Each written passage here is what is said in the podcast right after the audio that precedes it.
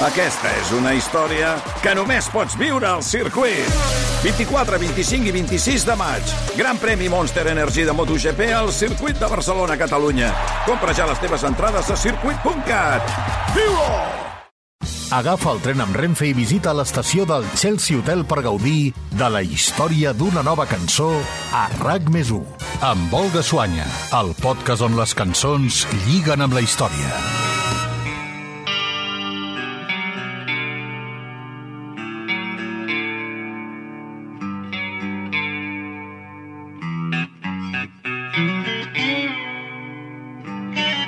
Amb aquest riff de guitarra de Kirk Hammett comença un dels grans clàssics de Metallica.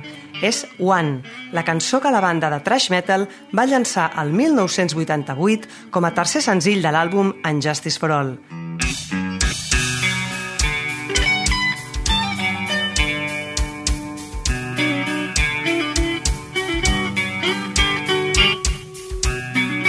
És considerada per la crítica com una de les obres mestres d'aquest quartet californià i gràcies a ella, Metallica va guanyar el seu primer Grammy en la categoria de millor interpretació de metal. També va ser el primer tema per al qual la banda va crear un videoclip i és justament en aquesta peça audiovisual on trobem la major part dels elements que ens ajudaran a resseguir la història de la cançó a través de referències literàries, cinematogràfiques i també filosòfiques. En aquesta nova entrega del podcast del Chelsea Hotel us convidem a endinsar-vos en una història terriblement crua explicada en un dels temes claus del repertori de Metallica. I can't remember anything. Can't tell if this is true or dream. Composta per James Hetfield i Lars Ulrich, One és una cançó contra la guerra que relata la dramàtica situació d'un soldat de la Primera Guerra Mundial que està greument ferit, que ha perdut les quatre extremitats i tots els sentits per l'explosió d'una mina. Reduït a un tors vivent, sense capacitat per poder moure's, percebre i comunicar-se, només li queda la possibilitat de pensar. Totalment aïllat del món exterior, aboca els seus records fins que aquests es converteixen en somnis que es confonen amb la realitat i aquest estat el porta a una reflexió dramàtica sobre la seva existència, que acaba fent que supliqui a Déu que li prengui la vida. Si en escoltar el resum de l'argument de la cançó heu tingut la sensació que aquesta història no és el primer cop que la sentiu, no aneu gens equivocats. I és que, tot i que la lletra és original de Metallica, Hetfield i Ulrich van escriure-la prenent com a font d'inspiració l'argument de Johnny agafar el seu fusell, l'obra que el novel·lista americà Dalton Trumbo va publicar el 1939 i que tres dècades més tard ell mateix va portar al cinema.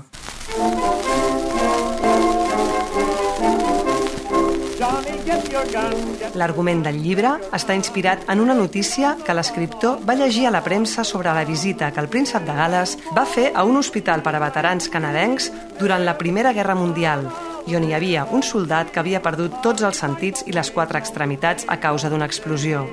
Impactat per aquella terrible història, Trambo va intentar imaginar-se la tràgica experiència d'aquell combatent i va plasmar la desesperació, el patiment i la seva angoixa a Johnny agafar el seu fusell.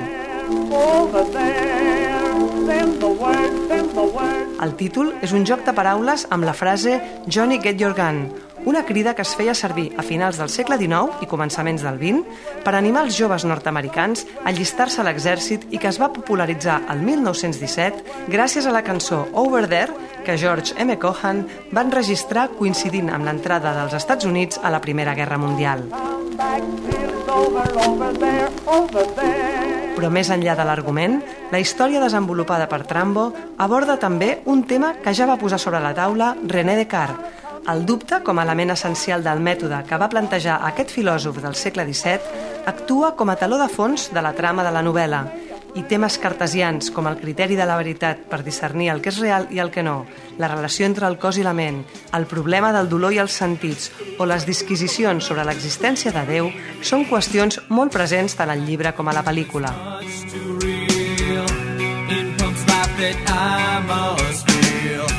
La desesperació, el patiment i l'angoixa recreada per Trambo en aquell escenari de desolació de les trinxeres europees de la Gran Guerra va captar l'atenció dels líders de Metallica durant el procés de creació del quart àlbum de la banda i del seu desenvolupament en forma de música i lletra va sortir One. breath is I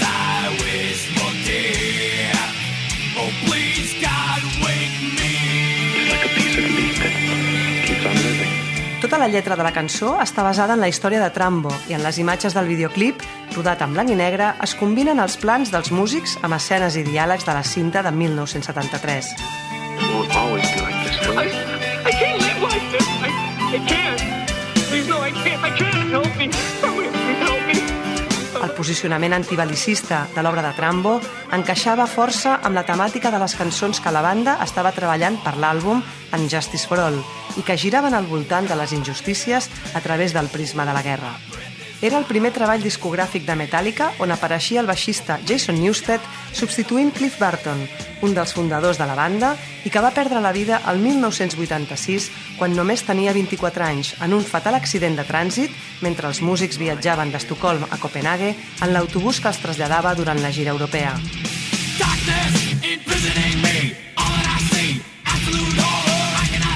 L'impacte per la mort de Barton s'aprecia en l'escassa presència del baix no només a One, sinó a la majoria de cançons del disc.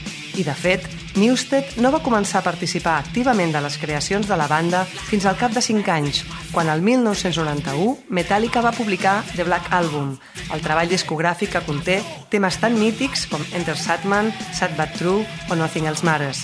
Tot i així, sempre va tenir l'etiqueta del nou i el 2003 va acabar deixant el grup i va cedir l'instrument a Robert Trujillo, que és qui ha defensat la línia de baix fins ara. Des que van començar el 1983 com uns jovenets de 20 anys, Metallica ha rubricat una trajectòria de 4 dècades de metal i trash que ha marcat diverses generacions i ja a punt d'entrar a la seixantena, continuen demostrant pels escenaris de tot el món que estan en perfecta forma.